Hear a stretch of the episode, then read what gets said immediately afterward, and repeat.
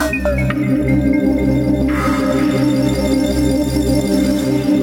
Velkommen til Forskning.nos podkast. Jeg heter Arnfinn Christensen, og jeg skal lede denne lille sendinga vår som går fra vårt miniatyrstudio i Torshov i Oslo. Og sammen med meg i dette lille studio sitter vår journalist Ingrid Spilde. Du har sett på en av sakene denne uka som handler om hjerteproblemer og fettfattig kost. Og nå virker det jo som om ikke det er så farlig med litt fett i kosten for folk med hjerteproblemer likevel.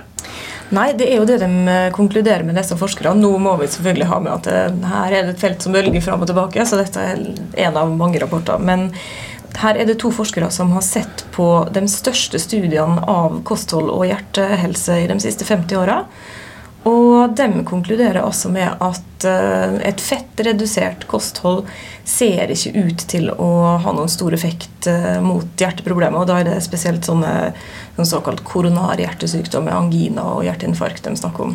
Og dette har de funnet ut nå etter 50 års studier. Når var det dette her starta? Var ikke jo, nei, Det høres jo litt rart ut. Eh, men um, det var en etter hvert ganske berømt studie som heter Seven Countries eh, Study, som starta i 1957. Så så man at uh, folkeslagene som hadde mest mett og fett i kosten, hadde også høyest uh, kolesterolnivå og størst forekomst av hjertesykdom. Mm. Så da så det ut til å være en veldig sterk sammenheng der, og så kom disse anbefalingene om å kutte fett i kosten, og da spesielt dette metta fettet som kommer fra, fra, animalske produkter. Men så viser det seg da igjen, som det tydeligvis har gjort mange ganger, at det er ikke nok med en sammenheng. Det bør ikke bety at det er en årsak og en virkning. Det er ikke kolesterolet som gir hjerteproblemene, ser det ut som.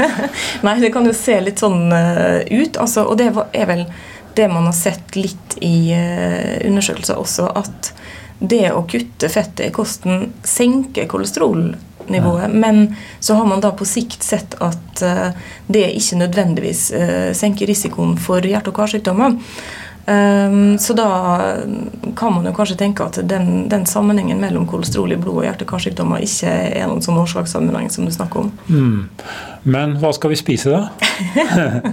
ja, nå spør vi forskerne og ikke oss journalister i forskning ennå. Det er et minefelt å gå inn i dette her. Men disse to forskerne har i hvert fall, eller mener i hvert fall at det er et annet type kosthold som uh, trer fram som et bedre alternativ. Og det er det som vi kanskje mest kjenner som middelhavskostholdet. Som, mm. uh, hvor man har mer fokus på grupper av matvarer istedenfor uh, næringsstoffer. Altså ikke fokus på så og så mye protein og fett og karbohydrater, men fokus på grupper av matvarer. At man spiser mindre kjøtt og sånn type delikatessevarer, og mer grønnsaker og frukt og fisk og fullkornsprodukter og nøtter og belgfrukter og olivenolje. Mm. Og selv om det blir mye, eller mer fett i disse diettene enn enn i de klassiske fettfattige hjertediettene, så kan det hende at de er bedre allikevel.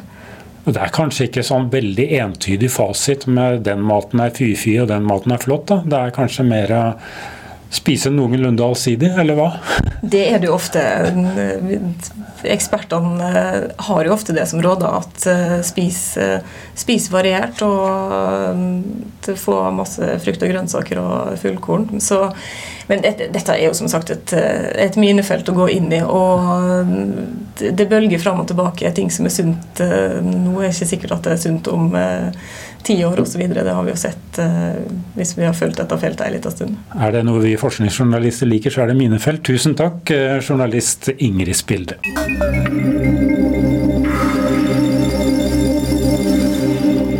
Fortsatt er det jo vinter, og vinter er sykdomstid for små barn. Eh, hva er det som gjør små barn syke? Eh, Ida Kvittingen, du har eh, nytt om dette her. Det er ting som tyder på at forholdene i familien, ikke bare bakteriene i familien, men også andre forhold i familien kan bety noe for om barn blir syke eller ikke?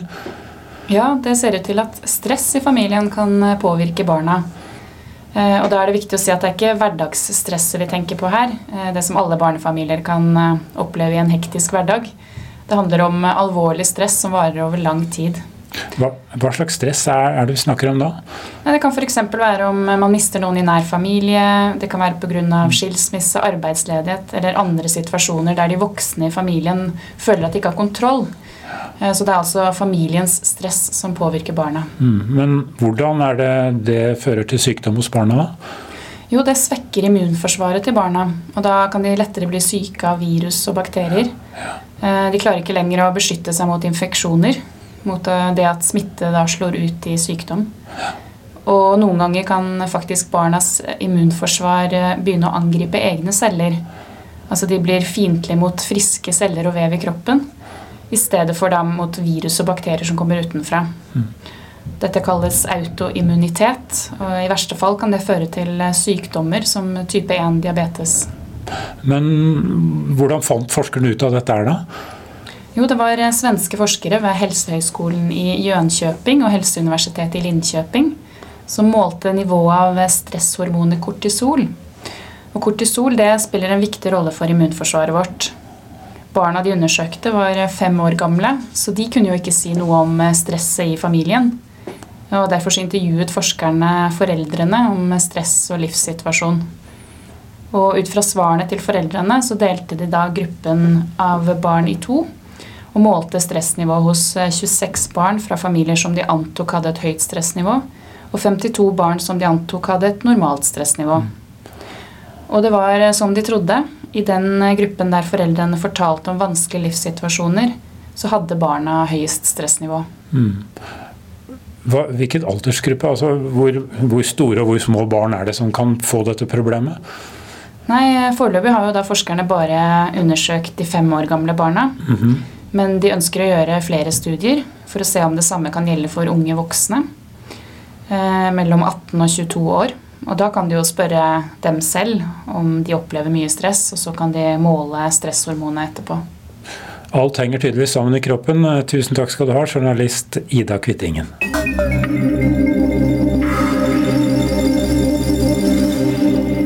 Redaktør i forskning.no, Nina Kristiansen. Du har vært og snakket med en ordbok. Hvordan snakker man med en ordbok? Ja, Det var en morsom opplevelse. Jeg dro opp på Norsk ordbok på Universitetet i Oslo. Ja. Det er et svært prosjekt. De skal rett og slett gi en uttømmende uh, framstilling av alle norske dialekter. Så her er det ikke snakk om riksmålsordboka? altså? Dette her er eh, dialektorda. En frodig ordbok? En frodig ordbok. Ja. Det, er, det, er, 300 000 ordartikler de skal ja. ha når, når, ordboka er ferdig. Ja. Men jeg benytta anledningen da, til å snakke om min egen dialekt. Mm. Som kommer fra? Eiker. Utenfor? Det, det er utafor Drammen. Nedre Buskerud. Kommer fra et lite sted som heter Steinberg. Og eh, det har jo ikke alltid vært sånn helt enkelt å snakke breit østlandsk i Oslo. Har du hatt problemer med å bli forstått, eller er det det med statusen det går på? Ja, begge deler. Ja. Eh, litt forstått også, fordi ja. jeg husker når jeg var ny i Oslo og sa 'bærapåsa'. Kan jeg få en bærapåsa? Da skjønte de jo ikke. Gjorde de ikke det? Nei, de gjorde ikke det. Og eh, vi bruker jo 'han' og 'hun' om substantiv. Så når jeg snakka om 'han' og mente bilen, så skjønte jo ikke folk at det var bilen. Ja. Uh, og så er det jo lavest status, da. Ja. Jeg husker jeg møtte en uh, fyr på min første jobb som sa det at hvis jeg bare la meg i dialekta, så kommer jeg nok til å gjøre karriere. Uh, så det er klart at det, breit østlandsk det er forbindelig med lav status, og det bekrefter jo også da ordboksjefen som jeg snakka med, Åse Vetsaas, at det er lav status rundt disse dialektene. Mm. Og Derfor så hører vi dem heller aldri i det offentlige rom. Mm. Altså Du hører dem ikke på Dagsrevyen, du hører dem ikke i, fra, på Stortinget, du hører dem ikke uh, noe sted. Så det er mange av disse orda vi bruker, som vi aldri hører andre steder. Men heldigvis oftere nå enn før, da. For før var det jo forbudt f.eks. For i NRK å snakke dialekt. Nå får de lov til å gjøre det ja, men det er ikke lenge siden jeg, en reporter i NRK som hadde Fredrikstad eller ble sendt til logoped for å bli kvitt seg med dem. Der har du statusgreia igjen, da. Der har du ja. den. Og eh, det, jeg har hørt eh, høre mer på radio nå enn før. Trøkk på mm. første stavelse og a-endinger. Eh, jeg husker eh, den gangen Terje Andersen var landbruksminister. Han sto på Stortingets talerstol og snakket om fugleinfluensa. Da ble jeg litt glad. Da ble jeg litt sånn rørt, rett og slett. Så da brukte jeg dette møtet da, med ja. Norsk ordbok om å undersøke hva er min dialekt. Ja, For hvor spesiell er den egentlig? Ja, for jeg har jo trodd at den var veldig spesiell. Ja. Men så har jeg jo bodd i Oslo i over 20 år. Ja. Så jeg har jo møtt folk fra mm, andre steder på Østlandet som snakker jo likt som meg, eller har de samme uttrykka. Så jeg lagde ei liste over ting jeg mente var skikkelig eikværing. Og så strøk jeg vekk alle de orda som jeg har hørt andre folk fra Østlandet si. Så sto jeg igjen meg ja, Hardcore eikersk. hardcore Trodde jeg. Ja. Så prøvde jeg meg da på henne. Så sa jeg varastyre, sa jeg. Det må vel være helt lokalt. Det betyr å ha noe ekstra, ha noe på lager. Jeg har noe på varastyret. Nei da, sier hun. Ikke sant? Fant ut at det hadde vært registrert i Seljord første gang i 1786 og sånn. Ah, Så hun drepte jo alle mine eh, dialektord. absolutt alle, eller var det Nei, noen som Jeg sto igjen med tre. Ah. Da ble jeg litt glad. Ja. Det ene er hinketakke. Det er jo kanskje ikke Forklar. Ja, det er rett og slett at når vi hoppa Paradis, så brukte vi en bandypuck. Men det visste ikke jeg for mange år etterpå. Jeg trodde det var, Vi, vi kalte det hinketakke. Du kjøpte det i leikebutikken som er hinketakke. Veldig mye mer praktisk enn stein, for stein har jo kanter og kan sprette hvor som helst. Hinketaka var forutsigbar. Og det er et lokalt ord. Det andre var eh, merrasig. Det betyr å, eh, noe som skjer uten pauser, uavbrutt. Mye. Så hun snakka i et eh, merrasig. Da snakker hun mye og uten pauser. Og det siste, da, eh, det var at vi bruker mellom. Vi har ikke gjennom i dialekta. Ah. Så vi kjører mellom Drammen og går mellom liv og Sånn er det. Ja. og, men det blir jo plukka vekk i skolen. Ja, ja. Så når eh, barn i Eiker kommer på skolen, så blir jo, kommer jo disse norsklærerne og lærer oss gjennom. Så det er jo, et, eh, det er jo litt utrydningstrua, antagelig. Men du sier at, at det blir plukka Er det sånn at dialektene er døende? Altså dialekter, Jeg spurte Åse Vetsaas om det. Er dialektene på ferd med å forsvinne? For det er mange redd for. Mm. at nå skal vi alle snakke bokmål eh, eller oslospråk. Eh, og hun sier at de dør ikke, men de blir regionalisert. Eh, at folk fra, på små steder begynner å snakke som den nærmeste byen. Og det vil jo si for oss da, i Eiker at vi begynte å snakke som de gjør i Drammen. Eh, men at ikke dialektene forsvinner. Og så er det jo sånn at i de små samtalene oss imellom, så bruker vi jo eh, dialektord som vi ikke bruker i de store sammenhengene. Som ikke gjør seg så godt på trykk, kanskje? Nei, vi veit ikke engang åssen det skrives. Og det var jo dilemmaet til meg og Åse som skulle liksom slå opp disse orda. For jeg ante jo ikke åssen det ble skrevet. Nei. De har kanskje ikke noen offisiell skriveform i noen tilfeller? Nei, det er, de skrives på mange måter Ja. eh, forskjellige steder.